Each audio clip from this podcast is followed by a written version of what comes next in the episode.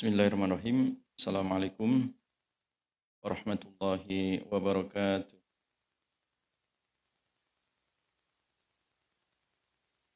Alhamdulillah, innal hamdalillah nahmaduhu wa nasta'inuhu wa nastaghfiruh. Wa na'udzu billahi min shururi anfusina wa min sayyiati a'malina. May fala mudilla yudlil fala. أشهد أن لا إله إلا الله وحده لا شريك له وأشهد أن محمدا عبده ورسوله الذي لا نبي ولا رسول بعده اللهم صل وسلم وبارك على نبينا محمد وعلى آله الطاهرين الطيبين وأصحابه أجمعين ومن سار على نهجهم إلى يوم الدين اللهم انفعنا بما علمتنا وعلمنا ما ينفعنا وزدنا علما أما بعد jamaah sekalian Alhamdulillah kita lanjutkan kajian kitab hadis Sahih Bukhari ya. Dan juga arahnya, arah dari Sahih Bukhari yaitu Fathul Bari. Kita masuk pada bab yang ke-50 ya. Babu man lam yatawadda min lahmi syati wasawiqi. Ya. Bab tentang seseorang tidaklah diwajibkan wudhu ya. Min lahmi syati setelah makan daging kambing ya. Wasawiqi dan makan sawik di sawik itu dulu biasa dikonsumsi oleh para sahabat ya. Dan juga Rasulullah khususnya ketika safar ya. Sawik itu gandum yang dilembutkan gitu ya. Yang ditumbuk lembut kayak tepung ya. Dan dibawa nanti kalau mau makan dicampur dengan air kayak bubur kayak serelak gitu lah. Sekarang tuh kayak serelak gitu. Cuman kebanyakan bahan dasarnya tadi biasa dari gandum ya.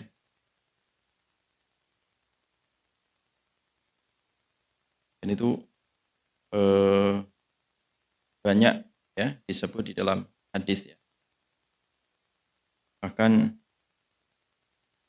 eh, sampai ada istilah perang sawik dulu ya. Perang sawik itu pasca ya, perang Badar ya.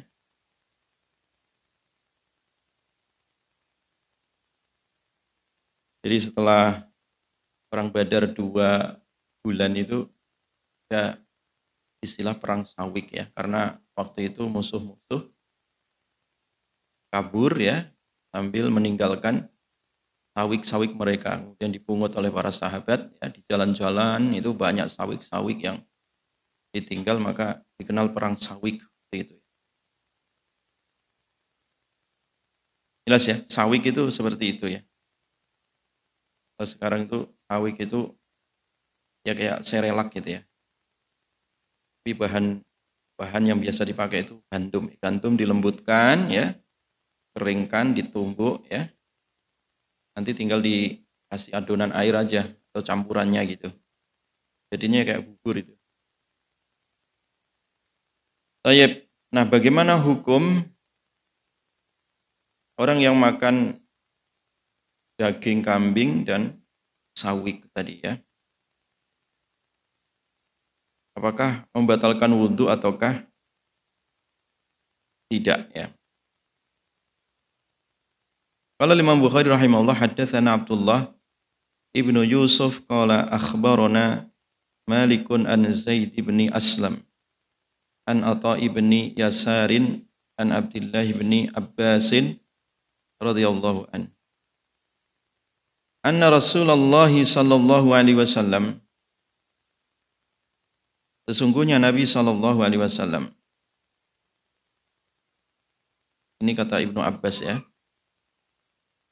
riwayat Ibnu Abbas.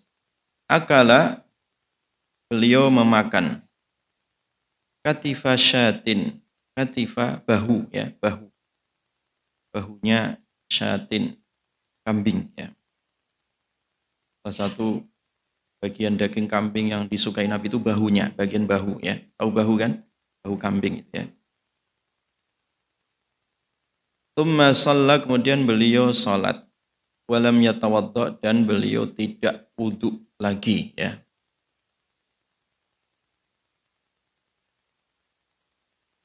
Nah di dalam hadis ini jelas ya ikhwah bahwasanya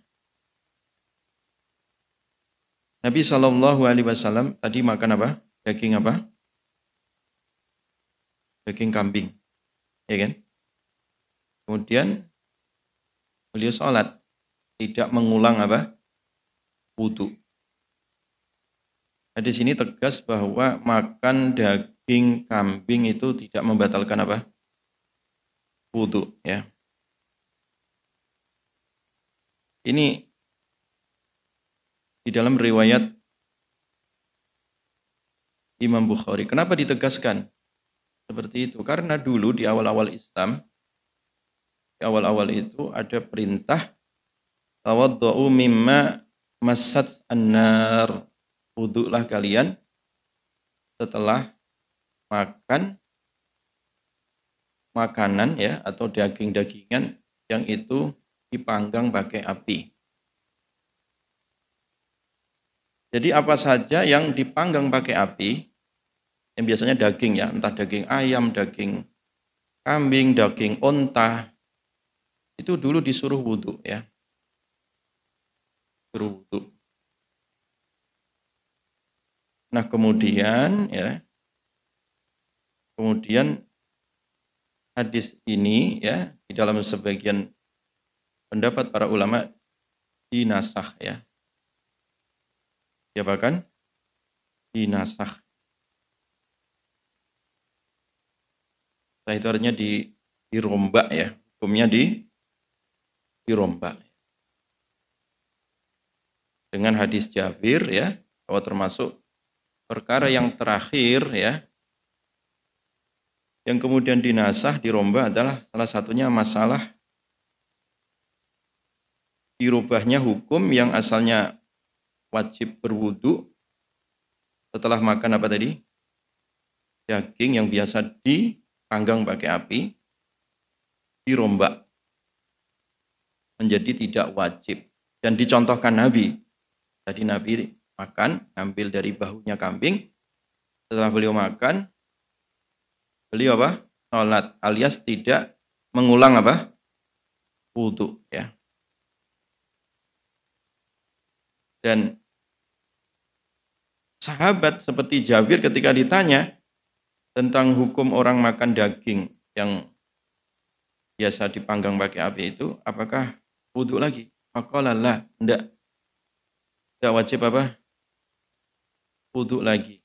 Ya, tidak wajib untuk lagi. Jadi di awal-awal Islam yang asalnya mewajibkan wudhu ketika orang makan daging, termasuk daging kambing tadi ya, yang biasa disentuh atau dipanggang pakai api, itu mansuh ya, dihapus hukumnya.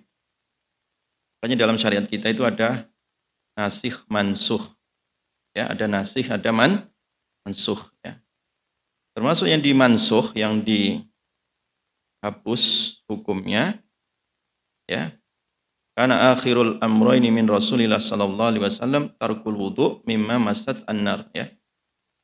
Di dalam hadis Jabir itu di, beliau tegaskan bahwa termasuk perkara yang belakangan dihapus ya hukumnya yaitu dihapusnya hukum wajibnya wudhu setelah makan daging ya setelah makan daging yang biasa disentuh pakai pakai api.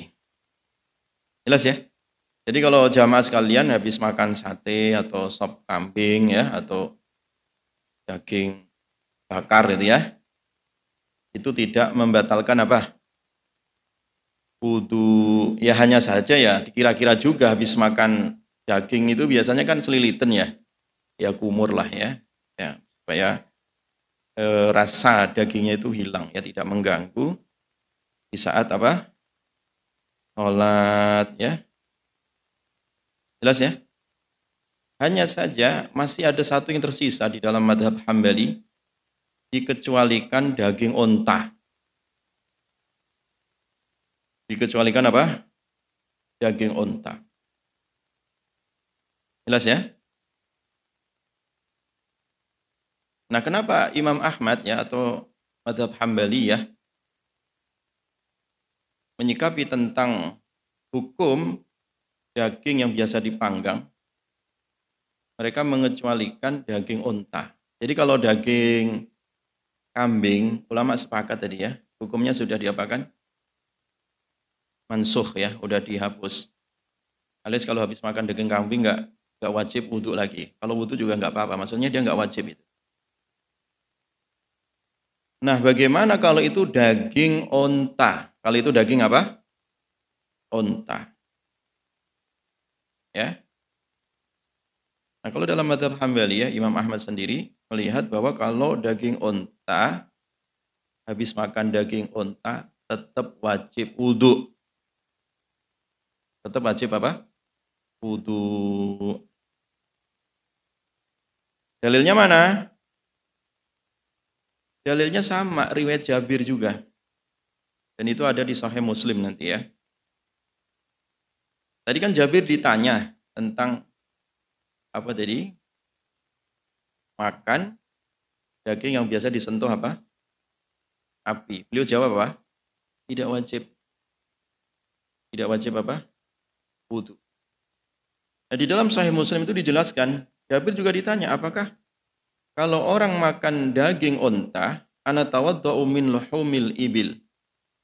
Apakah kami wajib wudhu setelah makan daging apa? ibil onta? Qala na'am. Iya. Jawabannya adalah apa? Iya. Ya.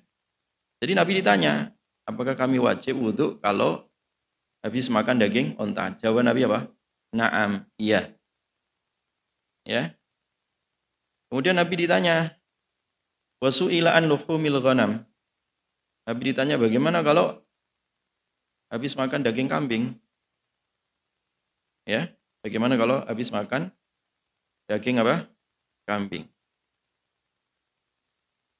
Maka Nabi menjawab, la yatawadda. Tidak. Tidak wajib apa? Wudhu. Dan di dalam uh, riwayat Muslim malah dikatakan insyita. Ya kalau kamu mau gitu. Artinya nggak dilarang gitu. Kalau mau wudhu. Nah, di sini jamaah sekalian ya, di sini eh, kemudian terjadi khilaf di antara ulama. Nah, ulama-ulama yang berpendapat bahwa apa saja daging yang biasa dipanggang pakai api, ya, entah daging kambing, daging sapi, ya, daging unta maupun daging apa saja ya. Karena itu sudah mansuh. Karena sudah apa tadi? Mansuh. Ya sudah, berarti tidak membatalkan. Termasuk apa? Unta. Ini pendapat madhab syafi'iyah.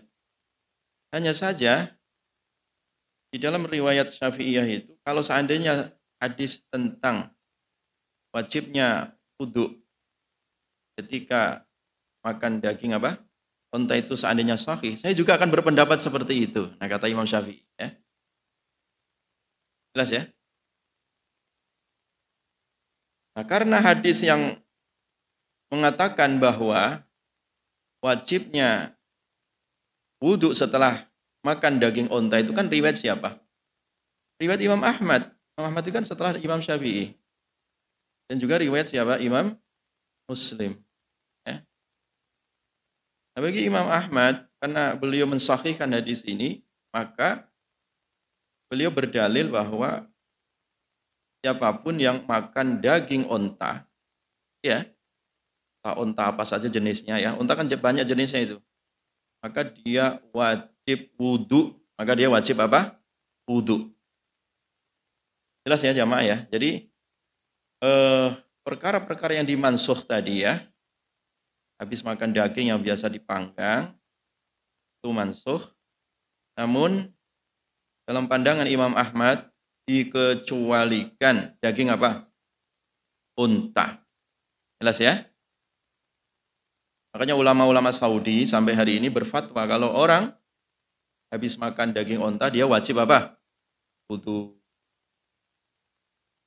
Nah mereka juga membedakan karena beda antara daging unta dengan daging kambing. Ada yang beralasan e, secara empiris seperti itu. Tapi wallah alam memang hadisnya tadi sahih. Ya.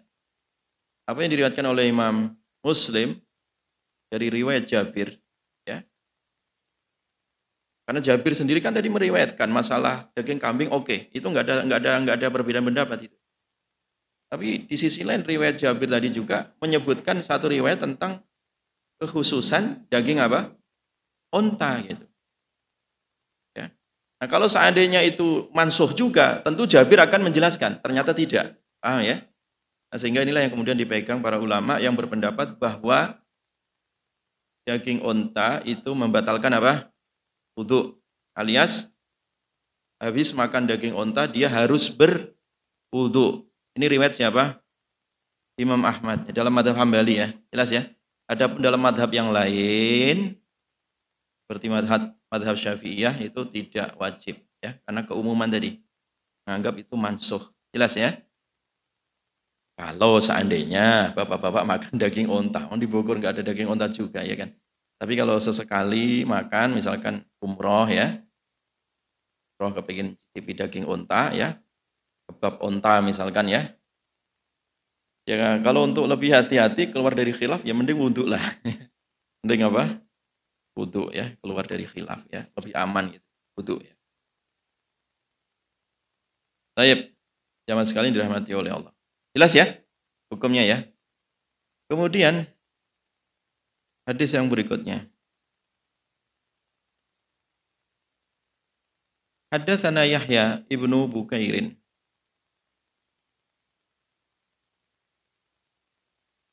Qala haddatsana Al-Laitsu an Uqailin an ibni Shihabin. Qala akhbarani Ja'far ibnu Amr ibn Umayyah.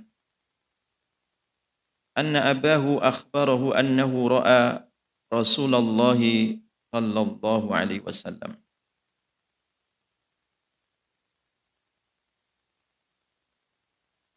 Yahtazzu min katifi syatin fadu'iya ila salati fa'alqa as-sikina fa shalla wa lam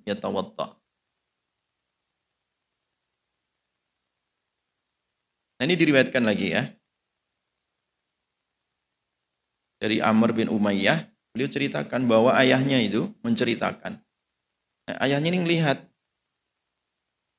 Nabi Shallallahu Alaihi Wasallam yahtazu ya. Yahtazu itu maknanya yaktau ya, memotong-motong. Min katifi syatin dari bahu, bahunya kambing. Karena memang salah satu daging yang disukai Nabi itu dari kambing itu bahunya, bahu, bahu. Katif ya. Tapi potong-potong tuh. Nah, di saat Nabi Shallallahu Alaihi Wasallam sedang motong-motong tadi daging kambing ya untuk dikonsumsi fadu iya ilas salati. Kemudian dipanggil, artinya ada azan gitu, ya. Ada azan ilas salati untuk panggilan salat. Jadi lagi lagi lagi apa Nabi Shallallahu Alaihi Wasallam lagi enak apa enak makan eh, daging kambing atau lagi motong-motong tadi Kemudian ada apa? Zan ya kan? Ada panggilan apa? Salat. Apa yang dilakukan oleh Nabi jamaah? Dilanjutkan atau diberhentikan? Mungkin kalau kita pikirannya ah nanggung ini nanggung, wong kambing enak ya. Ya. Nanggung ya kalau pikiran kita ya. Tapi bagi Nabi ya, tidak ya. Nabi fa'alqa asikin.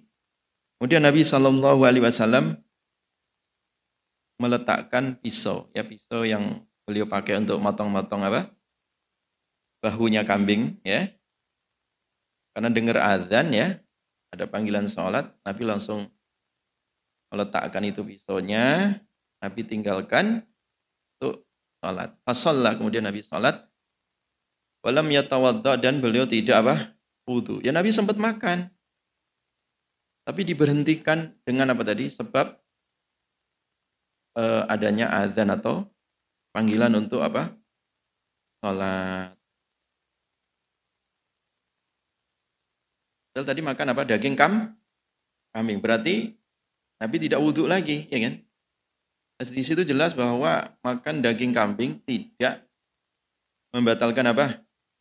Wudhu, ya. Tidak membatalkan wudhu. Sama seperti hadis sebelumnya ya. Nah kemudian hikmah yang kedua, ini bagaimana responsifnya baginda Rasulullah Wasallam ya. Jadi ada azan, kalahkan kepentingan perut, ya demi kepentingan Allah. Nah ini mendahulukan kepentingan siapa? Allah Subhanahu Wa Taala daripada kepentingan apa? Perutnya. Kalau pikiran kita kan nanggung ya, ah nanggung ini. Apalagi kalau makan udah enak itu kan berhenti nggak enak itu betul nggak pak? Tapi Nabi tidak ya, ya sudah ya karena itu ada panggilan sholat ya akhirnya Nabi Shallallahu Alaihi Wasallam meletakkan pisaunya dan langsung sholat tadi ya menuju sholat. Nah pertanyaannya adalah, Ustaz, katanya kalau eh, ada dua perkara antara hidangan makanan sudah siap dengan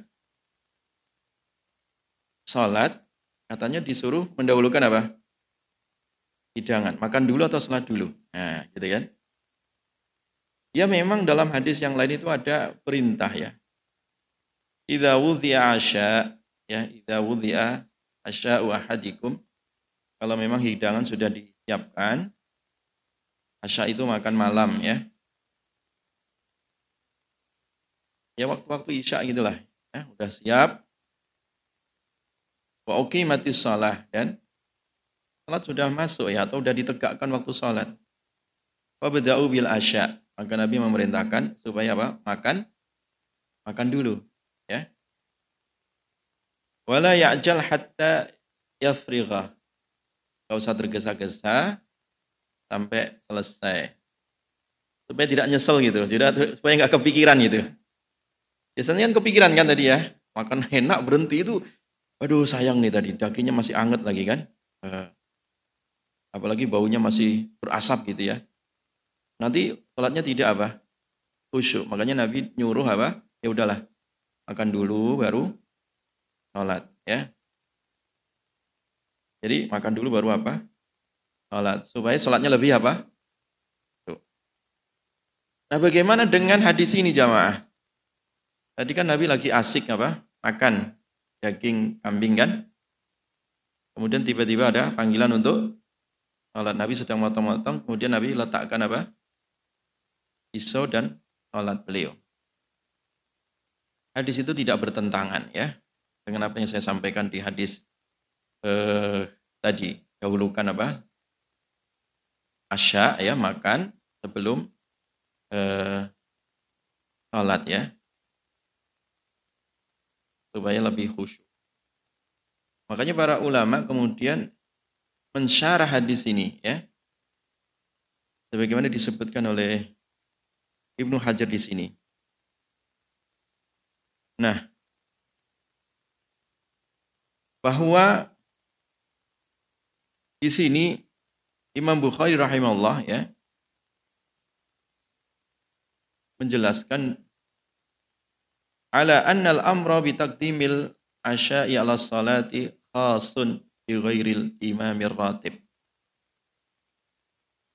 Jadi kata Imam Bukhari jamaah, maksud dari hadis tadi ya, mendahulukan apa? Mendahulukan apa? Makan sebelum sholat ketika hidangan sudah siap. Itu berlaku secara umum. Tetapi kalau dia itu imam rawatib, nah imam besarnya ya, imam besar. Maka contohlah hadis ini. Contohlah apa? Hadis ini dalam arti, ya sudah kalau bagi imam ya sudah sekedarnya saja, udah tinggalin. Karena dia akan memimpin apa? Sholat itu. Karena seorang imam dibatasi dengan waktunya dan juga dibatasi dengan kedisiplinan tadi ya. Supaya menjadi contoh tadi ya. Bahwa Nabi sedang motong-motong daging ya, bahunya kambing tadi. Dan diinfokan kepada beliau ya atau beliau mendengar ada azan ya dan beliau apa tinggalkan itu pisau dan siap-siap apa untuk sholat tanpa apa? Wudhu lagi. Jelas ya? Itu penjelasan hadis ini jamaah ya. Yang pertama tadi adalah bahwa makan daging kambing tidak membatalkan wudhu ya. Yang kedua, khususnya bagi imam ya, ketika eh, makan ya ataupun eh, asik tadi sedang motong daging ya, ya keadaan ya persiapan karena dia harus duluan gitu ya, jelas ya, karena harus di depan.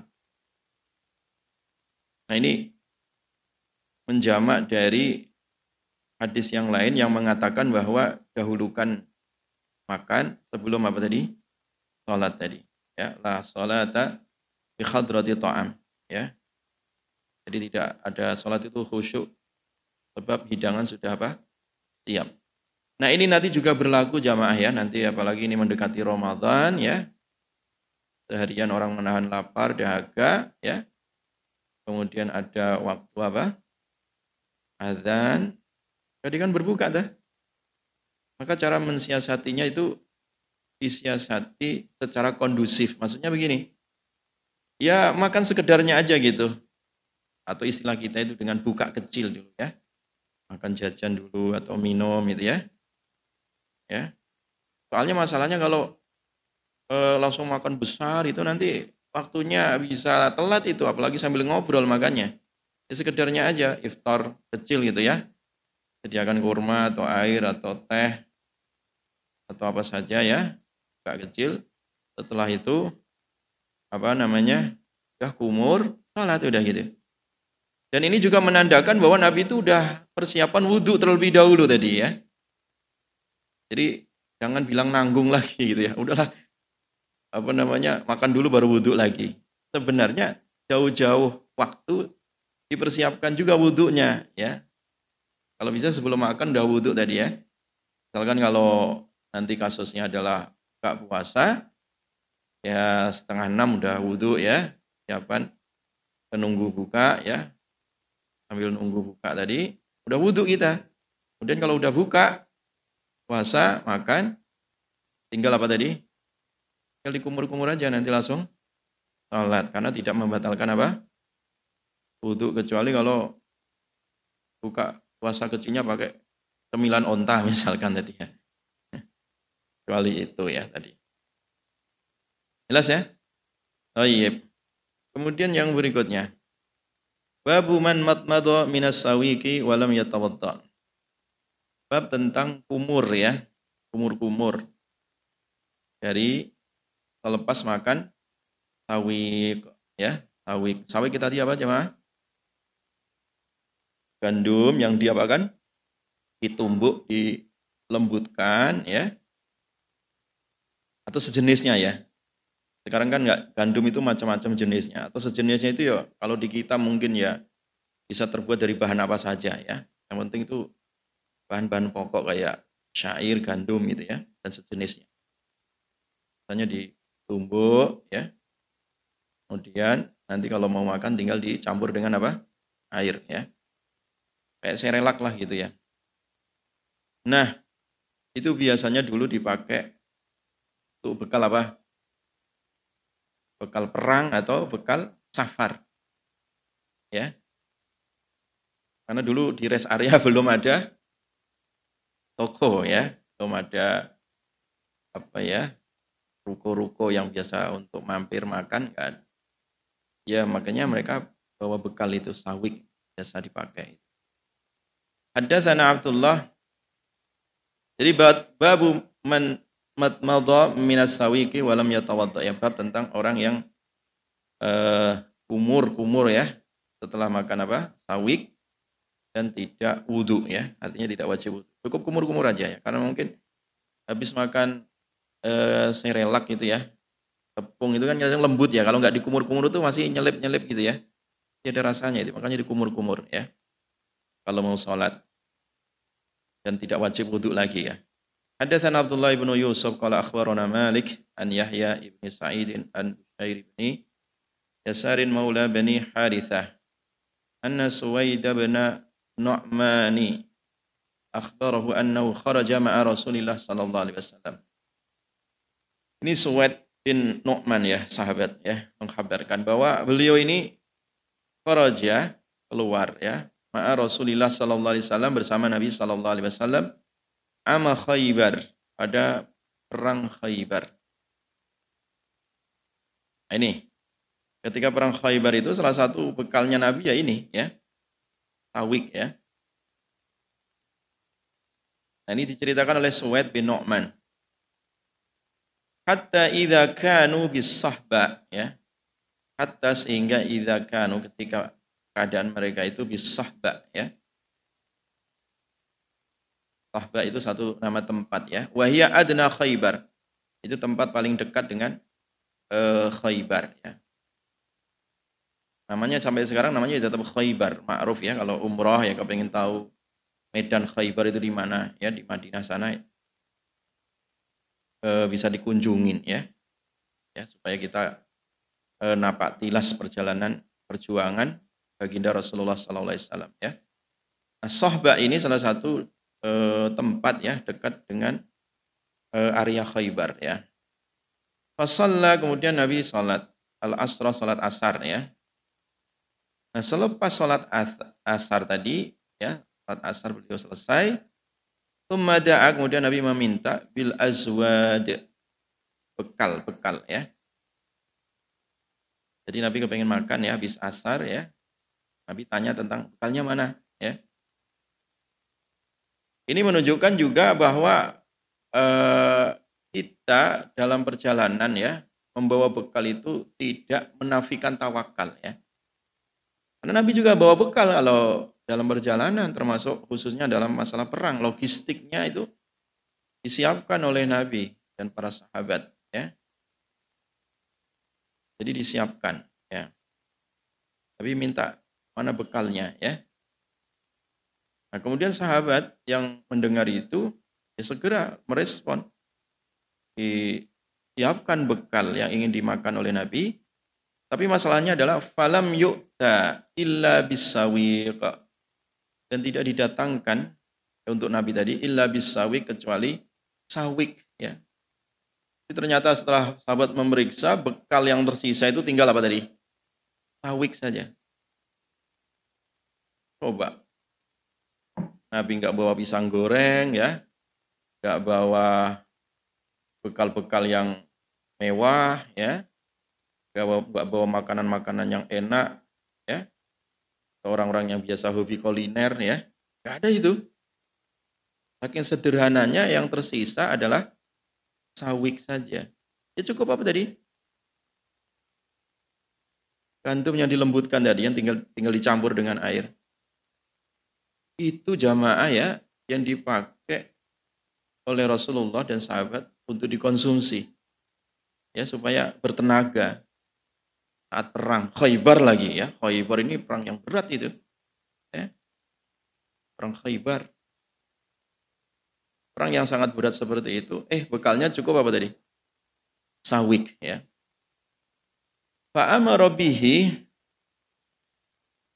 fathurya fa'akala Kemudian diperintahkan supaya didatangkan sawiknya tadi. Nah kemudian setelah sawik tadi, eh, apa namanya, gandum yang sudah dilembutkan tadi, tepung gandum yang sudah dilembutkan. Nah kemudian basuria, kemudian dibasahi atau dicampur dengan air, ya, bikin adonan lah gitu ya. Fa'akala kemudian Nabi makan. Ya, Fa'akala kemudian memakan Rasulullah Shallallahu Alaihi. Wa akalna dan kami juga makan. Ini bareng-bareng makan apa tadi? Sawik. Nah selepas makan sawik tadi, thumma qama ilal maghrib. Kemudian beliau beranjak untuk sholat maghrib. Beranjak untuk sholat apa? Maghrib. Famat madha, kemudian Nabi kumur-kumur. Jadi selepas makan apa tadi? Serelak atau makan awik tadi, Nabi apa? Kumur-kumur. Wamat mat, wamat matna dan kami juga ikut kumur. Tumma salat kemudian Nabi salat, walam yatawadda dan Nabi tidak wudhu. Artinya jamaah ya kalau kita masih punya wudhu kemudian makan, makan apa saja ya. Kan sawik kasusnya tadi Nabi dan para sahabat. Atau kalau di kita nggak makan sawik entah makan apa saja ya habis sholat ya santai sambil makan eh, roti cemilan ya ya boleh-boleh saja dan itu dilakukan Nabi kok ya hanya saja kalau sudah selesai makan adalah dibersihkan apa tadi? Mulutnya supaya tidak nyelilit ya, supaya tidak tersisa makanan nyelip di gigi atau di lidah ya. Atau di pangkal lidahnya. Dikumur pakai air supaya bersih. Selepas itu boleh langsung apa? Salat. Tidak perlu apa? Wudhu lagi karena tidak membatalkan wudhu ya. Jelas ya jamaah ya. Jadi makan tidak membatalkan apa? Wudhu.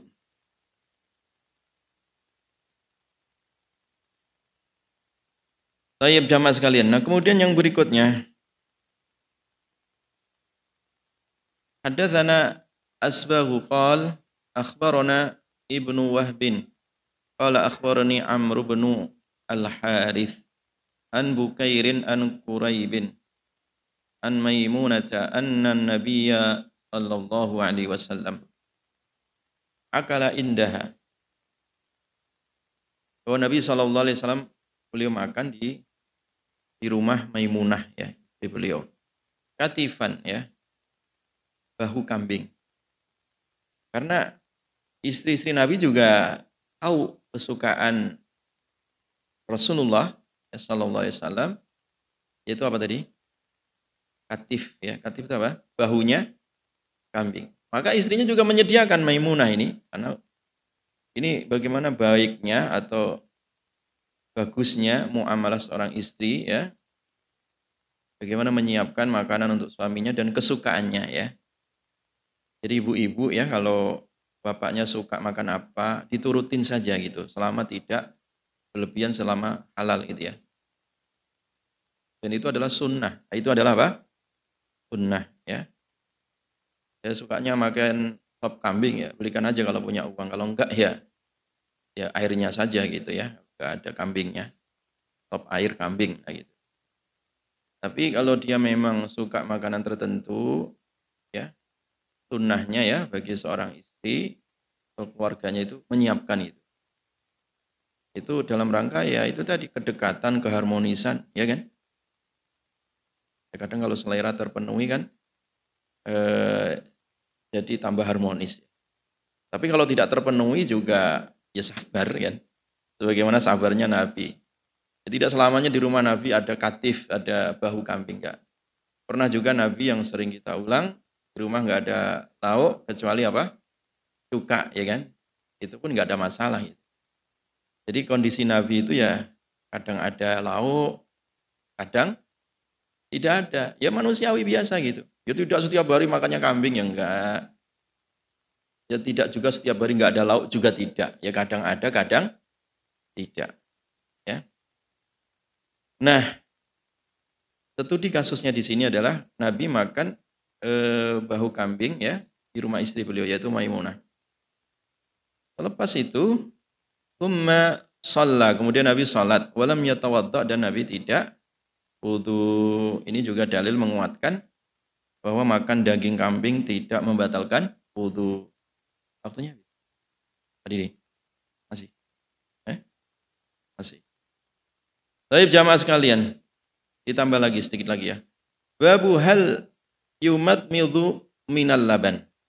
Bab tentang apakah wajib kumur-kumur setelah minum susu. Susu kan air kan ya? Apakah selepas minum susu eh, kita diperintahkan kumur-kumur sebelum sholat?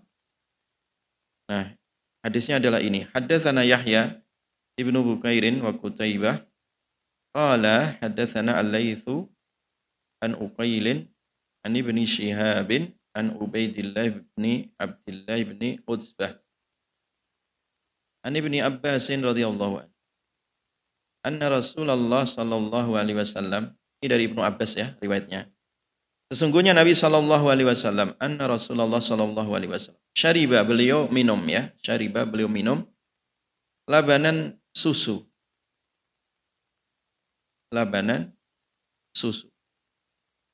Jadi Nabi juga mengkonsumsi susu ya. Nah, selesai beliau minum susu ya. Famat madha kemudian Nabi kumur-kumur ya, berkumur ya. Nah ini waqala innalahu dasaman. Jadi selesai apa namanya Nabi Shallallahu Alaihi Wasallam uh, minum apa tadi? Susu, ya. Maka beliau apa tadi? Beliau apa? Kumur-kumur ya. Itu tadi karena memang susu juga masih kan pekat ya susu itu ya. Eh, ya kan kental gitu ya. Jadi kalau diminum itu kadang masih ada apa? Bekas kan di mulut itu ya. Ya itu atau di sela-selanya gigi ya itu ada bekas apa tadi eh, rasa ya dari susu tadi. Makanya Nabi apa tadi? Selepas beliau makan apa tadi? Minum apa tadi? Susu beliau apa tadi? Kumur-kumur ya. Nah di dalam uh, riwayat Imam Muslim itu ada tambahan tummada abima'in.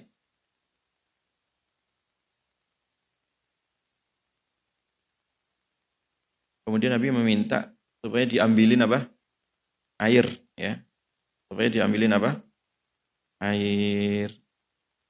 Ya. Dia bisa minum susu, beliau minta diambilkan apa? Air. Ya untuk minum atau untuk kumur tadi ya. Jelas ya? Jadi ini jamaah sekalian ya. Dari hadis-hadis yang sudah kita baca tadi menjelaskan dan menyimpulkan bahwa ya pentingnya kita menjaga wudhu itu yang pertama ya.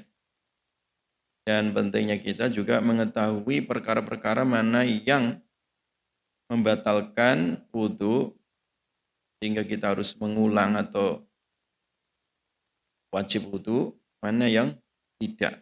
Mana yang bisa ditoleransi, yang itu tidak membatalkan. Salah satu yang tidak membatalkan tadi adalah urusan makan, urusan makan dan mie, minum. ya.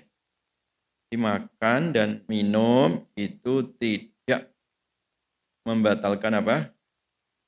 Itu hanya saja kita dianjurkan untuk apa? kumur-kumur sebelum apa? Sholat. Kalau kepengen lebih hati-hati tadi mengecualikan kecuali daging unta ya. Supaya lebih hati-hati ya. Walaupun itu masalah khilaf tadi ya. Tapi kalau habis makan daging unta berwudu lebih afdol tadi ya. Keluar dari khilaf perbedaan pendapat tadi. Ya. Jadi masalah makan dan minum ini masalah-masalah yang biasa lah, tradisi lah, biasa gitu ya. Yang kebiasaan itu bisa tidak bisa ditolak karena itu memang kebutuhan manusia juga, ya kan? Hanya saja kita harus paham ya jangan sampai makan minum itu juga melalaikan sholat atau mengganggu proses sholat. Oleh karena itu mulut harus ber, bersih ya harus bersih kalau zaman sekarang yang praktis ya tinggal bawa apa botol minuman ya sakuin atau taruh tas ya masalah. Tinggal di kumur-kumur kemudian ditelan aja gitu ya. Harus dibuang ya telan aja. Nah, sayang kan kalau itu air air bersih ya. Jelas ya jamaah ya. Wallahu a'lam bissawab subhanakallahumma bihamdika. Asyhadu an la ilaha Assalamualaikum warahmatullahi wabarakatuh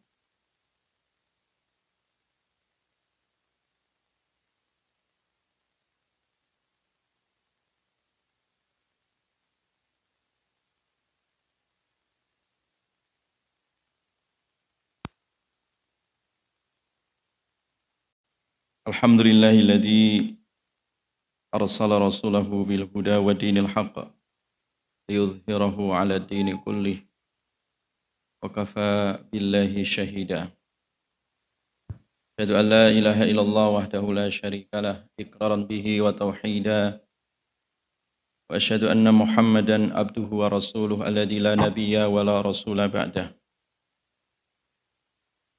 اللهم صل وسلم وبارك على نبينا محمد وعلى آله الطاهرين الطيبين وأصحابه أجمعين ومن سار على نهجهم إلى يوم الدين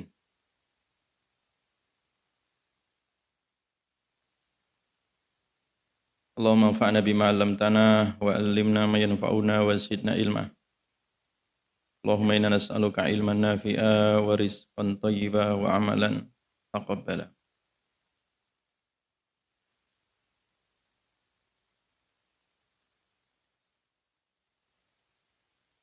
Baik jamaah sekalian yang dirahmati oleh Allah Subhanahu wa taala.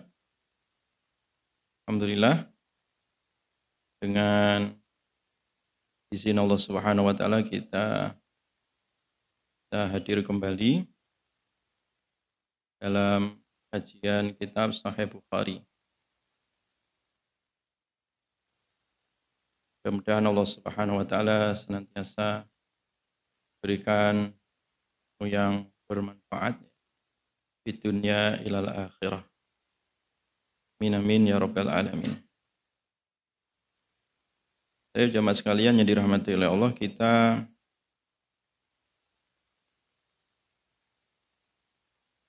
sampai pada bab baru ya. Babul mashi alal khuffaini.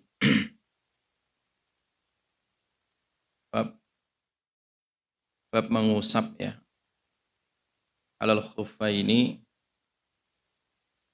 atas khuf ya.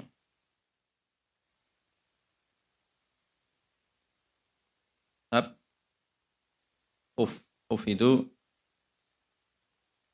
penutup kaki ya semacam penutup kaki ya, sepatu yang menutup kaki sampai kedua mata kaki ya. Jadi di atas kedua mata kaki. Itu namanya khuf ya. Namanya apa? Khuf ya. Kira-kira eh, penutup kaki ya. Yang dulu biasa terbuat dari kulit gitu. Dan dipakai ya. Seperti sepatu tetapi dia di atas mata kaki. Itu kan sepatu satpam ke, ke atas itu kan biasanya ada yang sampai apa? Sampai atas mata kaki. Tapi sekarang off ada model tersendiri ya. Sekarang banyak lah online itu banyak juga. Off bisa dibeli ya.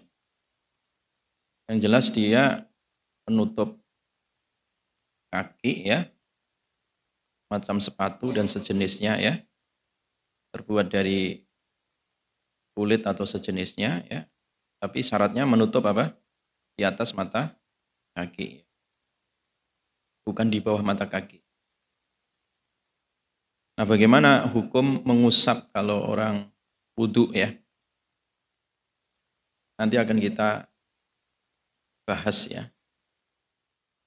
Jadi bagaimana mengusap uf ya di saat kita berwudu ya. Ini masih ada keterkaitan ya. Karena dalam wudu itu wamsahu biru usikum wa arjulakum ilal ka'bain. Itu dalam kiroah mutawatirah bisa dibaca wa arjulakum bisa dibaca wa arjulikum.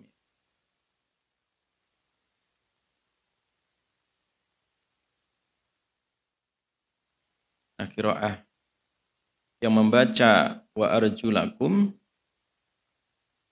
itu diatofkan dengan masalah membasuh ya.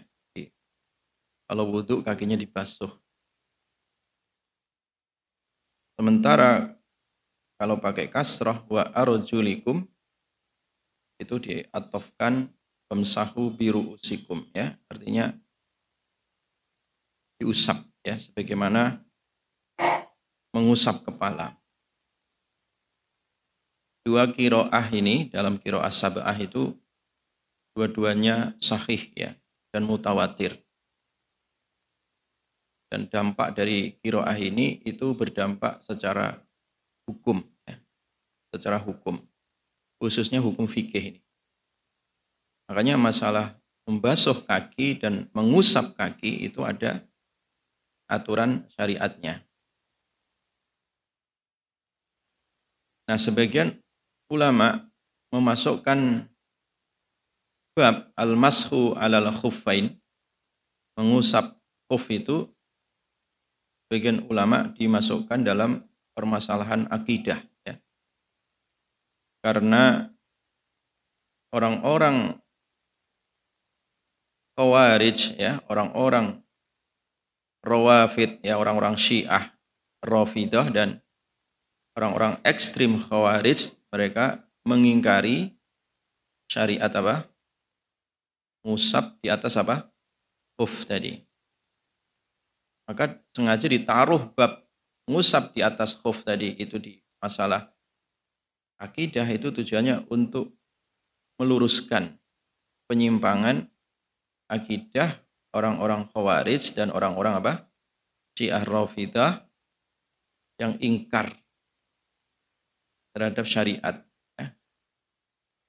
terhadap hadis mutawatir dan juga kiroah mutawatir tadi ya karena masalah khuf ini tidak ada khilaf ya di antara para sahabat ya. saking banyaknya perawi yang meriwayatkan hadis-hadis berkaitan dengan masalah musab di atas apa? Uf ya. Jadi syariat itu tidak dihapus, berlaku sampai kiamat. Berlaku sampai apa? Kiamat. Jelas ya? Taib jamaah sekalian yang dirahmati oleh Allah Subhanahu wa taala.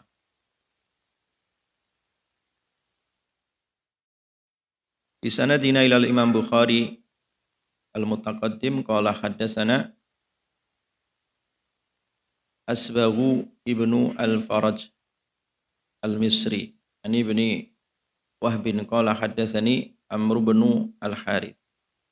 Haddatsani Abu An-Nadri an Abi Salamata an Abi Salamata bin Abdurrahman an Abdullah bin Umar an Sa'd bin Abi Waqqas radhiyallahu an.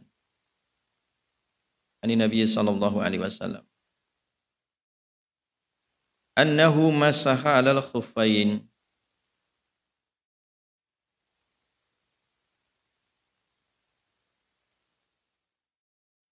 Ini dari Sa'ad bin Abi Waqqas ya. Jadi dari Nabi sallallahu alaihi wasallam bahwa beliau sallallahu alaihi wasallam masaha alal khuffain ya. Masaha beliau mengusap alal khuffaini di atas khuf ya, dua khuf ya. Wa anna Abdullah dan sesungguhnya Abdullah ibnu Umar, Abdullah bin Umar, Sa'ala Umar bertanya beliau ya.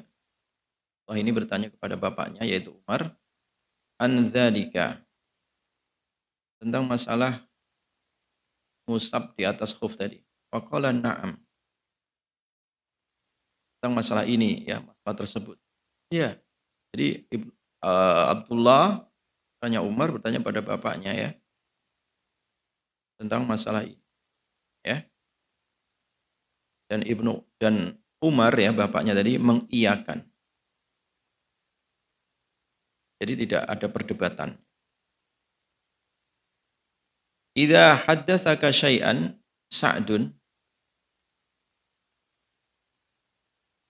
Jadi Umar justru mengatakan idza haddatsaka jika berbicara denganmu ya syai'an tentang sesuatu Sa'dun Sa'ad.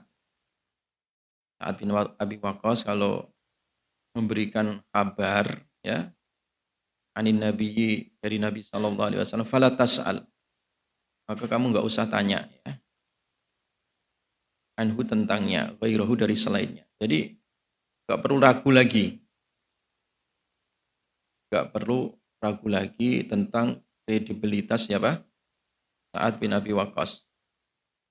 Tadi kan hadis hadis ini kan sebenarnya Abdullah bin Umar mendengar dari Sa'ad bin Abi Waqqas. Artinya beliau tidak mendengar langsung dari Nabi gitu dikasih tahu oleh Sa'ad bin Abi Waqqas bahwa Nabi itu pernah apa tadi? Musab ketika wudhu tadi. Musab apa? Uf ya, musab uf. Nah, kemudian Abdullah bin Umar ini untuk meyakinkan, tanya langsung ke bapaknya. Benar itu tadi kabar dari saat Kata Umar, iya, ya iya, benar, naam. Nah jika saat mengkabarkan sesuatu ya dari Rasulullah, fala tasal, nggak usah ditanyakan lagi. Artinya apa? Sudah pasti apa? Jujur dan benarnya, nggak mungkin bohong itu. Jadi falatas al anhu ghairah ya likuwatil wusuki binaklihi ya karena tikah ya. Jadi saat bin Abil Waqqas ini enggak diragukan lagi. Termasuk orang yang tikah ya. Orang yang terpercaya punya kredibilitas ya.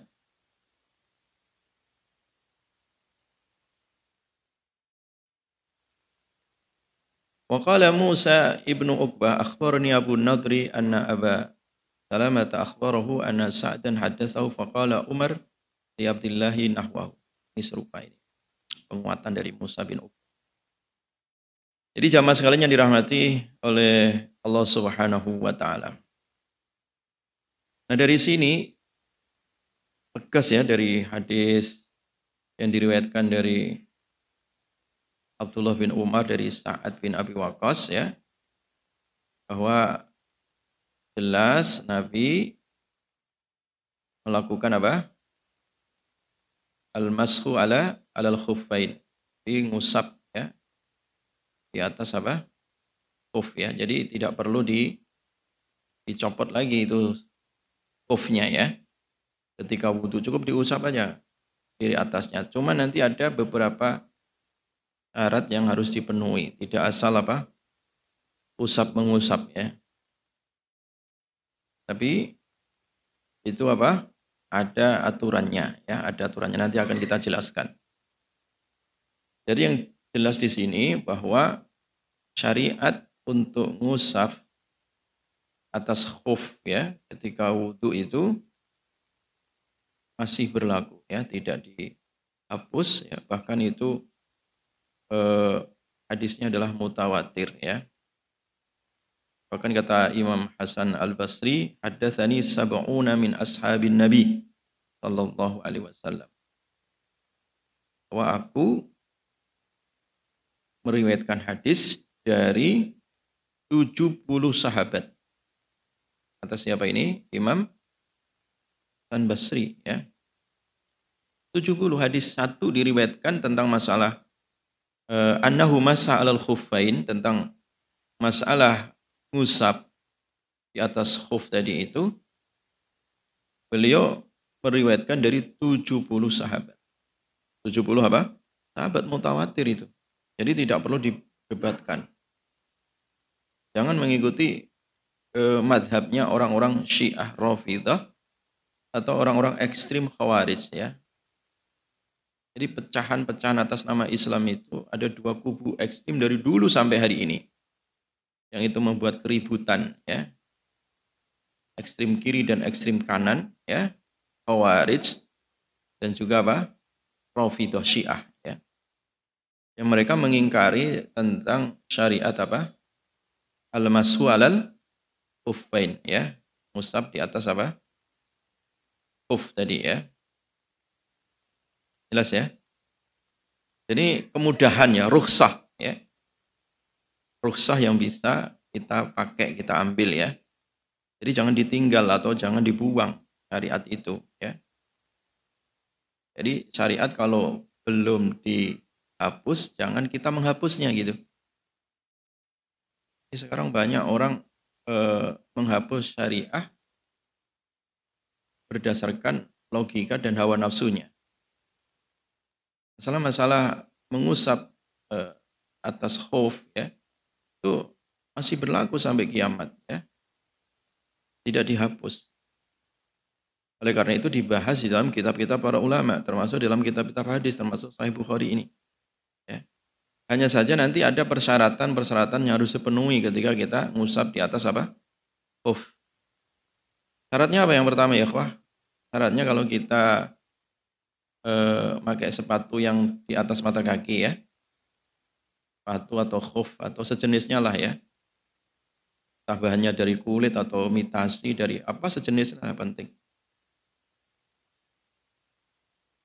Nah kalau kita mau pakai dan nanti kalau wudhu nggak usah dicopot ya. Maka orang yang memakai tadi itu dalam keadaan suci dalam keadaan apa? Suci. Wudhu dulu gitu, suci dulu gitu. Baru make. Ya. Jelas ya? Jadi dalam jangan dalam keadaan batal jangan. Suci dulu wudhu dulu ya. Suci maksudnya adalah suci dari hadas kecil dan hadas apa? Besar. Dan yang kedua, aturannya mengusap khuf ini juga Mengusap kuf tadi hanya dilakukan untuk hadas kecil saja ya. Untuk apa? Hadas kecil. Enggak berlaku untuk orang yang junub ya, orang yang hadas besar. Ya. Jadi masalah khauf ini hanya berlaku untuk hadas apa? Kecil bukan untuk hadas apa? Besar. Ada besar maksudnya jinabat, junub lah. Ya. Jelas ya? Jadi yang pertama tadi eh, memakainya dalam keadaan suci, yang kedua itu hanya berlaku untuk apa? Hadas apa? Kecil ya. Kan kalau hadas besar tidak berlaku ya. Nah, yang ketiga ada waktunya ya, ada waktunya. Ada waktunya, ada batas waktunya boleh mengusap itu ya. Sehari semalam bagi orang yang mukim dan tiga hari tiga malam bagi orang yang musafir. Jelas ya? Jadi kalau orang mukim nih berapa hari? 24 jam ya. Kalau dari semalam lah ya. Kalau orang apa namanya musafir tiga hari tiga malam, kurang lebih itu. Ini apakah masih berlaku Ustaz? Ya, ya masih berlaku. Apalagi untuk daerah-daerah seperti daerah Uni Soviet misalkan ya, daerah-daerah kutub ya. Itu kan dingin itu. Kalau apa namanya khofnya dicopot, wah itu bisa beku kakinya misalkan kan. Itu diperlukan. Mungkin kurang familiar kalau di Bogor atau di Indonesia ini ya. ya karena memang di dunia ini tempat paling enak tinggal itu di Bogor. Iya, nggak ada di dunia ini ngalahkan Bogor. Bapak mau ke mana? Mau ke Eropa? Mau ke barat sana? Nggak ada ngalahkan. Ya. Nggak ada yang ngalahkan Indonesia. Jadi karena nggak familiar gitu. Tapi kalau daerah-daerah terlalu dingin atau terlalu ekstrim suhunya itu berguna itu khuf itu ya. Berguna sekali. Makanya fikih ini masih berlaku gitu ya. Walaupun kita jarang mempraktekkan karena memang ya kita kalau sholat kan copot sendal kan. Ya jarang gitu ya. Kecuali kalau tempat-tempat tertentu misalkan kita di dalam hutan misalkan ya. Atau di tempat-tempat tertentu gitu yang membutuhkan supaya eh, alas kaki kita tidak dicopot ya. Nah, syarat berikutnya belum dicopot. Karena kalau dicopot batal ya. Kalau dicopot berarti kan dia wudhunya harus kakinya diapakan? Dibasuh, bukan di sap. Jelas ya? Jadi masalah mengusap ini tadi difokuskan pada kaki dan kepala ya. Kepala kemarinnya udah kita tahu kan caranya ya. Nah, termasuk nanti akan dijelaskan bagaimana e, mengusap kepala yang ditutup juga gitu. Jadi yang ditutup itu dua, kaki dan kepala ya. Kaki yang ditutup pakai khuf tadi boleh diusap ya dengan syarat-syarat yang sudah saya jelaskan. Demikian juga kepala juga sama, boleh diusap. Nanti ya, hadisnya nanti. Kalau kepalanya pakai sorban gitu ya. Sorban yang nutup. Kalau pakai songgok ya ditutup dicopot aja kalau pakai songkok mah. Makanya bagusnya kalau di tempat-tempat wudhu dikasih cantolan atau tempat untuk naruh songkok itu. Tapi kalau kalau orang pakai sorban tutup kepala ya penuh ya. Berat kalau dicopot-copot ya cukup nanti diusap ya diusap. Caranya bagaimana nanti kita akan jelaskan ada eh, hadis yang berikutnya nanti akan membahas itu ya. Jelas ya?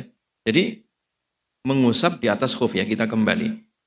Nah kemudian syarat berikutnya, khuf yang dipakai tadi bahannya, jadi alas kaki yang menutup mata kaki tadi, bahannya itu harus bahan-bahan yang mubah ya, bahan-bahan yang boleh. Yang bukan bahan najis. Misalkan kalau bahannya najis, misalkan berasal dari eh, kulit babi atau kulit anjing ya atau kulit-kulit yang najis lainnya itu nggak boleh. Ya. Jadi kulit-kulit yang itu mengandung najis ya tidak dibolehkan kan banyak juga kan sepatu dari kulit babi atau dari kulit anjing atau sejenisnya ya itu tidak dibolehkan karena najis ya najis mau di permak kayak apa pun ya tetap najis ya. Walaupun bahannya udah nggak kelihatan, dipoles dengan teknologi canggih apa pun yang bahan-bahan najis seperti kulit babi dan sejenisnya, yaitu ya tetap najis, nggak boleh. Nah kemudian syarat berikutnya, kalau toh dia tidak najis ya, bahannya nggak boleh dari hasil curian. Nah ini juga sama, nggak boleh itu mencuri dipakai ngusap ya nggak boleh. Nah kemudian lagi kalau kita memang udah niat untuk ngusap di atas khuf tadi, ya jangan dicopot-copot lagi gitu. Jangan apa? Dicopot kecuali memang sesuai batas waktunya. Kalau mukim dari semalam, kalau musafir berapa? Tiga hari, tiga malam. ya. Jelas ya? Itu itu syarat-syarat yang harus dipenuhi. Nanti juga ada yang membatalkan ngusap atas khuf tadi itu. Apa yang membatalkan itu? Misalkan orang junub. Nah, itu batal otomatis junub kan dia wajib mandi. Mandi harus dicopot itu. Nah, ya kan? Misalkan dia junub, ya, udah niat mau apa pakai khuf sehari semalam karena musim dingin atau musim terlalu panas itu ya dan niat sehari semalam, eh ternyata junub itu. Maka dia wajib diapakan? Copot batal dia itu. Ya. Jelas ya? Atau udah dilepas ya udah kalau dilepas ya yang asalnya ngusap ya dibasuh gitu. Dan yang ketiga batal kalau melampaui batas waktunya tadi. Yang harusnya orang mukim cuma sehari malam. Kafir apa? Tiga hari tiga malam. Itu dihitungnya adalah setelah dia hadas pertama ya. Contoh misalkan ya orang pakai khofnya habis maghrib kayak gini jam jam setengah tujuh misalkan ya. Dia pakai, dia usap, udah. Nah nanti batalnya dia, ya misalkan dia wudhu, batalnya nanti jam jam 8, jam 8 itu pasca apa hadas pertama itu dihitungnya di situ. Berarti mulainya dari jam 8 tadi pasca dia batal ya hadas pertama jam 8 nanti sampai jam 8 besoknya lagi. Paham ya? Jam 8 24 jamnya itu. Begitu caranya ya. Bagian pendapat seperti itu. Ada sebagian pendapat yang penting sudah pakai ya udah dihitung setarnya di situ. Nanti finishnya tinggal dikalikan aja jamnya gitu. Setar jam 7 ya jam 7 besoknya lagi gitu. Yang penting sehari satu malam. Hanya masalah teknis terjadi perbedaan itu. Jamaah sekalian yang dirahmati oleh Allah. Nah cara ngusapnya nanti, ngusapnya biasa ya. Ngusapnya itu, yang diusap itu eh, bagian atas ya, bagian punggung atas. Misalkan kaki ini bagi diusap sampai ke atas itu ya. Adapun eh, telapak kakinya nggak perlu diusap. Jadi yang diusap itu bagian apa?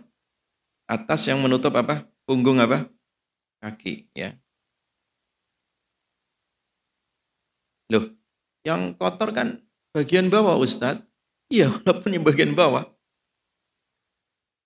Karena memang terkadang agama itu jangan e, meletakkan, mendahulukan logika dulu, logika hawa nafsu kita, jangan.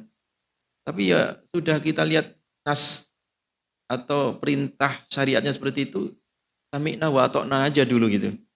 Nanti logikanya mengikuti belakangan, jangan didahulukan. Ya sama lah yang kentut ya. Belakang kita kok yang diwudhu kok muka nggak kentutnya gitu kan. Paham kan? Syariatnya begitu kok. Ya. Makanya kata e, riwayat sahabat Ali itu laukana dinu birra'i lakana asfalul khuf aula bil min a'lahu. Dalam riwayat eh, sahabat Ali bin Abi Thalib kalau seandainya agama itu hanya murni logika ya kayak orang-orang liberal itu atau orang-orang Mu'tazilah yang mendewakan logika ya di atas wahyu. Harusnya wahyu di atas apa? Logika. Tapi ada memang sekelompok manusia dari dulu. Sejak zaman sahabat Ali udah di, sudah diingatkan bahwa agama itu enggak murni logika. Kalau seandainya eh, agama itu hanya murni logika, maka asfalal khuf ya. Maka na asfalul khuf ya. Bawahnya khuf itu telapak kaki khufnya itu ya. Yang nginjek-nginjek jalan, yang nginjek-nginjek kotoran kadang kan aula bil masih itu lebih utama untuk diapakan? Diusap. Min a'lahu daripada yang bagian apa? Atas. Ya. Waqad itu Rasulullah sallallahu alaihi wasallam sungguh aku melihat Nabi ya sallallahu alaihi wasallam yamsahu ala zahiri khuffaihi. Nabi ngusap bagian punggung apa? Khufnya, kedua khuf beliau. Ini sahabat Ali loh. Tapi kadang aneh kok orang Syiah katanya mendewakan sahabat Ali, tapi kadang mengingkari gitu. Riwayat ini gitu. Itulah kontradiksi ya. Akidah orang-orang Syiah Rafidho dan juga orang-orang Khawarij. Mereka itu kontradiksi fikih dan akidahnya gitu. Problematik itu. Karena memang manhajnya itu, metodologi beragama itu keliru. Saya jamaah sekalian yang dirahmati oleh Allah. Itu ya, jadi caranya seperti itu. Diusap bagian atas saja. Bawahnya enggak, enggak usah diusap. Ya. Jamaah sekalian yang dirahmati oleh Allah Subhanahu wa taala. Nah, kemudian yang berikutnya Haddatsana Amr bin Khalid Al-Harrani qala haddatsana Al-Laitsu an Yahya ibni Sa'id an Sa'd ibn Ibrahim an Nafi ibni Bairin an Urwata ibn al-Mughirah an abihi al-Mughirah ibni Syu'bah an Rasulillah sallallahu alaihi wasallam dari Rasulullah sallallahu alaihi wasallam ini perawinya adalah Mughirah bin Syu'bah yang meriwayatkan dari sini ya. Bahwa Nabi Shallallahu Alaihi Wasallam annahu kharaja sesungguhnya beliau kharaja beliau keluar rumah hajati untuk buang hajat ya. menuntaskan hajat beliau. Wa atsba'u al-Mughirah kemudian mengiringi atau membuntuti ya belakang Nabi tadi al-Mughirah sahabat Mughirah Jadi ini para sahabat seperti itu akhlaknya ya, udah pernah kita singgung ada di sebelumnya. Jadi mereka itu responsif, Nabi keluar untuk apa? menuntaskan hajat, ya buang hajat. Kira ini membuntuti, bukan ingin mengintip, bukan. Membuntuti itu artinya beliau itu ingin apa? menyiapkan ya keperluan berupa air tadi sucinya Nabi Shallallahu Alaihi Wasallam. Di belakang Nabi itu ya tuntuti ya di belakang Nabi. Bi idawatin fihama ya. Di bawah wadah di dalamnya ada air tadi ya. Tujuannya untuk apa bersucinya Nabi Shallallahu Alaihi Wasallam. Alaih. Kemudian beliau menuangkan untuk Nabi ya Airnya tadi dituangkan oleh Mughirah, tuangkan supaya Nabi nggak kerepotan. Ina faragha min hajatihi. Ketika selesai dari hajat beliau. Fatawaddu'a kemudian beliau wudhu wa masaha alal khuffain. Nah ini. Dan beliau mengusap atas khuf ya. Mengusap atas apa? Khuf ya. Jadi hadis ini menguatkan tadi dari hadis Sa'ad bin Abi Waqqas. Nah, hadisnya Mughirah bin Syu'bah ini juga sama ya. Menguatkan bahwa Nabi itu jelas beliau itu mengamalkan syariat berupa apa? Musab di atas apa? Uf ya. Ya, hadis Mughirah, hadis Sa'ad dan sebelumnya tadi. Dan bahkan tadi Imam Hasan Al-Basri itu meriwayatkan dari 70 sahabat ya. Ini hanya beberapa sahabat saja perawi dari hadis khuf ini yang disebutkan oleh Imam Bukhari. Tapi nanti banyak hadis di kitab-kitab hadis yang lain ya. Nanti di Sahih Muslim, Sunan At-Tirmidzi ya. Abi Dawud dan seterusnya itu juga dibahas masalah ini. Taib jamaah sekalian yang dirahmati oleh Allah Subhanahu wa taala. Qala hadatsana Abu Nuaim, qala hadatsana Syaiban an Yahya an Abi Salamah an Ja'far bin Amr bin Umayyah Ad-Damri. Anna abahu akhbaru anna ra'a Nabi sallallahu alaihi wasallam yamsahu alal khuffain ya. Ini sama hadisnya ya. Di Amr bin Umayyah Al-Damri dia ceritakan bapaknya seorang sahabat itu cerita bahwa beliau melihat Nabi Shallallahu Alaihi Wasallam yamsahu alal khuffain ya Nabi mengusap atas apa? Dua apa? Kuf ya. Kufen. Ya. Ini menguatkan juga hadis yang sebelumnya. Baik. Hadis yang berikutnya hadasana Abdan qala akhbarana Abdullah qala akhbarana Al-Auza'i an Yahya an Abi Salamah an Ja'far bin Amr bin Umayyah an abihi qal. Nah, di dalam riwayat yang lain ya, kalau hadis tadi itu disebutkan oleh Imam Bukhari dari guru beliau Abu Nuaim ya. Dan riwayat yang ini hadis 205 ini dari guru beliau Abdan ya. Yang intinya di hadis ini ada tambahan ya. Jadi riwayat dari Ja'far bin Amr tadi, bin Umayyah dari ayahnya, yang menceritakan bahwa aku melihat Nabi mengusap atas apa? Kuf tadi. Ada tambahan lagi.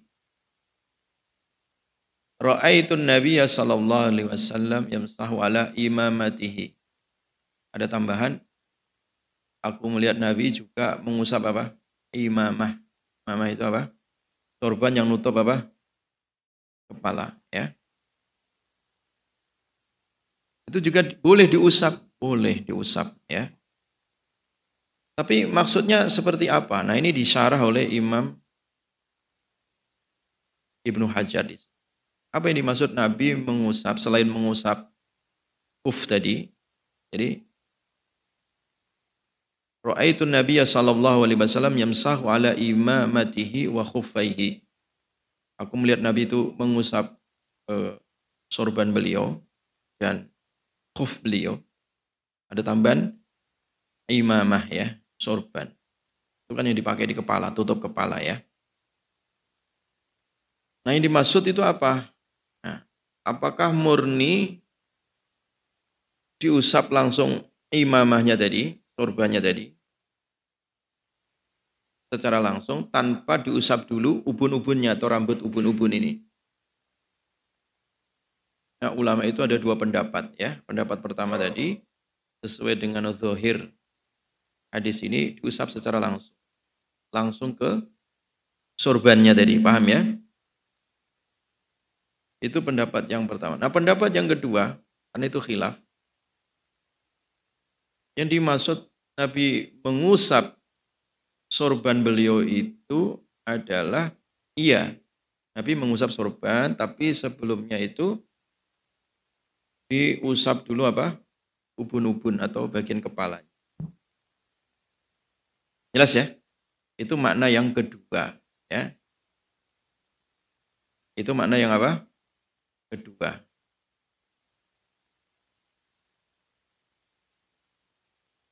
Jadi pendapat yang kedua itu maksud Nabi mengusap sorban ya itu tidak murni mengusap apa? Sorbannya saja. Tapi ada pendahuluannya yaitu mengusap apa? Ubun-ubun atau kepala bagian depan beliau ya. Nah ini yang pendapat jumhur. Ini pendapat apa? Jumhur mayoritas ulama. Jadi kalau mau pakai pendapat jumhur jamaah ya, kalau kita pakai sorban tuh ya, tahu kan sorban tuh? Kalau nggak mau dicopot, boleh langsung diusap. Tapi kalau mau ngikuti jumhur tadi, nah bagian depannya di, diapain? Diusap dulu baru ke belakang. Jelas ya? Ini juga menekankan bahwa sebenarnya kan asal muasal mengusap kepala kan seperti kemarin kita jelaskan ya. Jadi diusap dari depan ya dari depan sampai belakang balik lagi. Itu asalnya kan. Nah, ketika ada uzur seseorang menggunakan apa? Turban di kepalanya yang mungkin agak repot kalau di copot-copot itu. Maka tetap depannya diusap sedikit gitu kan. Dan sisanya diapain? Dilap bagian apa? Diusap bagian apa? Sorbannya sebagai pengganti asalnya. Paham ya? Nah itu eh, jumhur ya. Itu pendapat eh, jumhur. Waqala al-Khattabi Imam al-Khattabi berkata ya. Faradallahu mashar ra's ya. Allah memfardukan ya.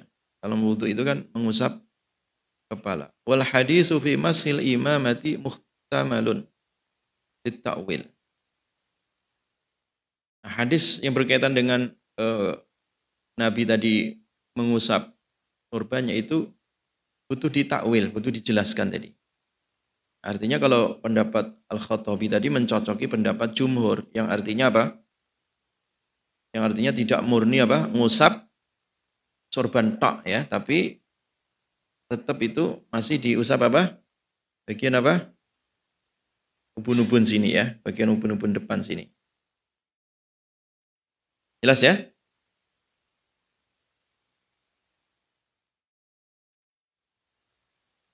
Jelas ya?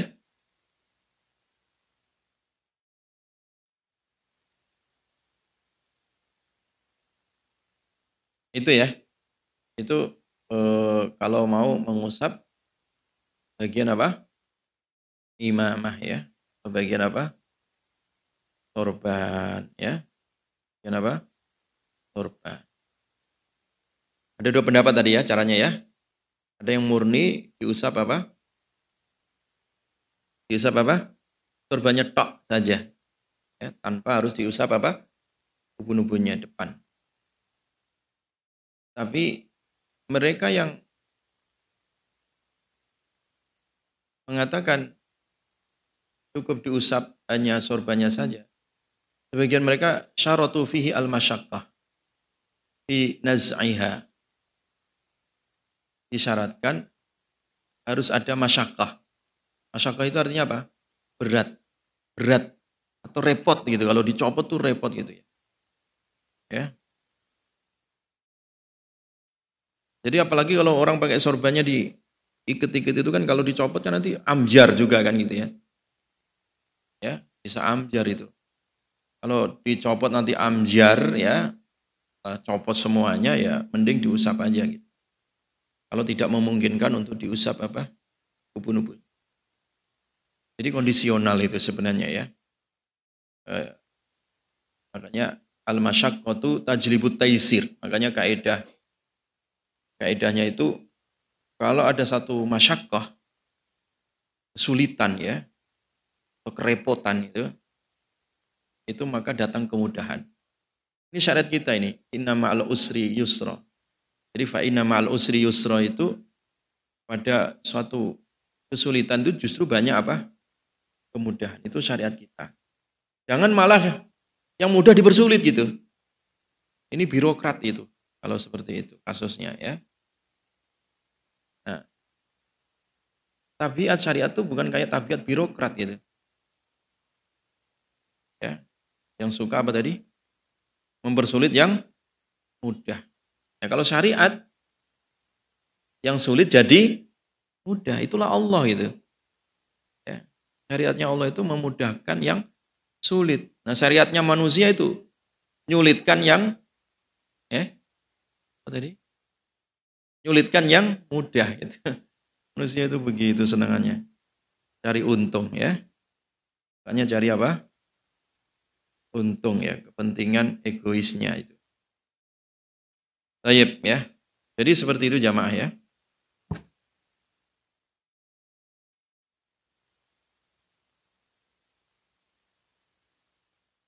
Jamaah sekalian yang dirahmati oleh Allah Subhanahu wa taala. Itu kalau pakai sorbannya. Tapi kalau pakai songkok, ya copot aja kalau pakai songkok ya. Songkok kan mudah. Kemudian terakhir ya, penutup dari kajian kita ini, bab ida adkhala rijlaihi wa huma tahiratan. Ini masih berkaitan dengan khuf tadi ya. Qala haddatsana Abu Nuaim, qala haddatsana Zakaria an Amir an Urwata bin Al-Mughirah an abihi qala kuntu ma'an Nabi sallallahu alaihi wasallam fi safarin kata Mughirah bin Syu'bah ini ya aku bersama Nabi Shallallahu Alaihi Wasallam pada suatu safar Fa'ahwa itu li anzi'a khuffaihi. Fa'ahwa itu kemudian aku merunduk ya, merendah itu. Mau jongkok gitu, mau melepas ya, li anzi'a supaya aku melepas khuffaihi kedua khufnya Nabi. Ini responsif sahabat ya Nabi. Mau wudhu, eh Nabi sedang pakai khuf. Sahabat cepet-cepet. Khufnya Nabi mau diapain? Dilepaskan gitu. Walaupun Nabi bisa ngelepas sendiri gitu. Tapi karena takzimnya para sahabat, kecintaannya pada sahabat, pada baginda Rasulullah SAW itu sampai seperti itu. Jadi segera beliau merunduk mau melepas khufnya Nabi. Kata Nabi, da'huma tinggalkan. Tidak usah, tidak usah kata Nabi. Fa ini adkhaltuhuma tinggalkan tadi kedua khuf tadi, biarkan gitu ya. Fa ini maka sesungguhnya aku atau khaltuhuma aku memasukkannya tadi Tohirota ini dalam keadaan suci duanya. Famasa alaihima, kemudian Nabi mengusap di atasnya kedua khuf tadi. Karena suci, ya udah. Jadi pas wudhu itu khufnya tidak perlu diapakan? Dilepas, cukup diapakan? Diusap ya. Ini kemudahan rukhsah ya. Jadi kalau kita dalam keadaan safar atau dalam keadaan dingin misalkan ya, atau dalam keadaan e, tertentu gitu, bahaya misalkan di hutan kalau ngelepas khufnya digigit ular misalkan, ya udah biarin aja nggak usah dicopot, tinggal diusap kalau mau apa? wudu ya. Allahu a'lam. Subhanakallahumma bihamdika asyhadu an la ilaha illa anta astaghfiruka wa atubu. Assalamualaikum warahmatullahi wabarakatuh.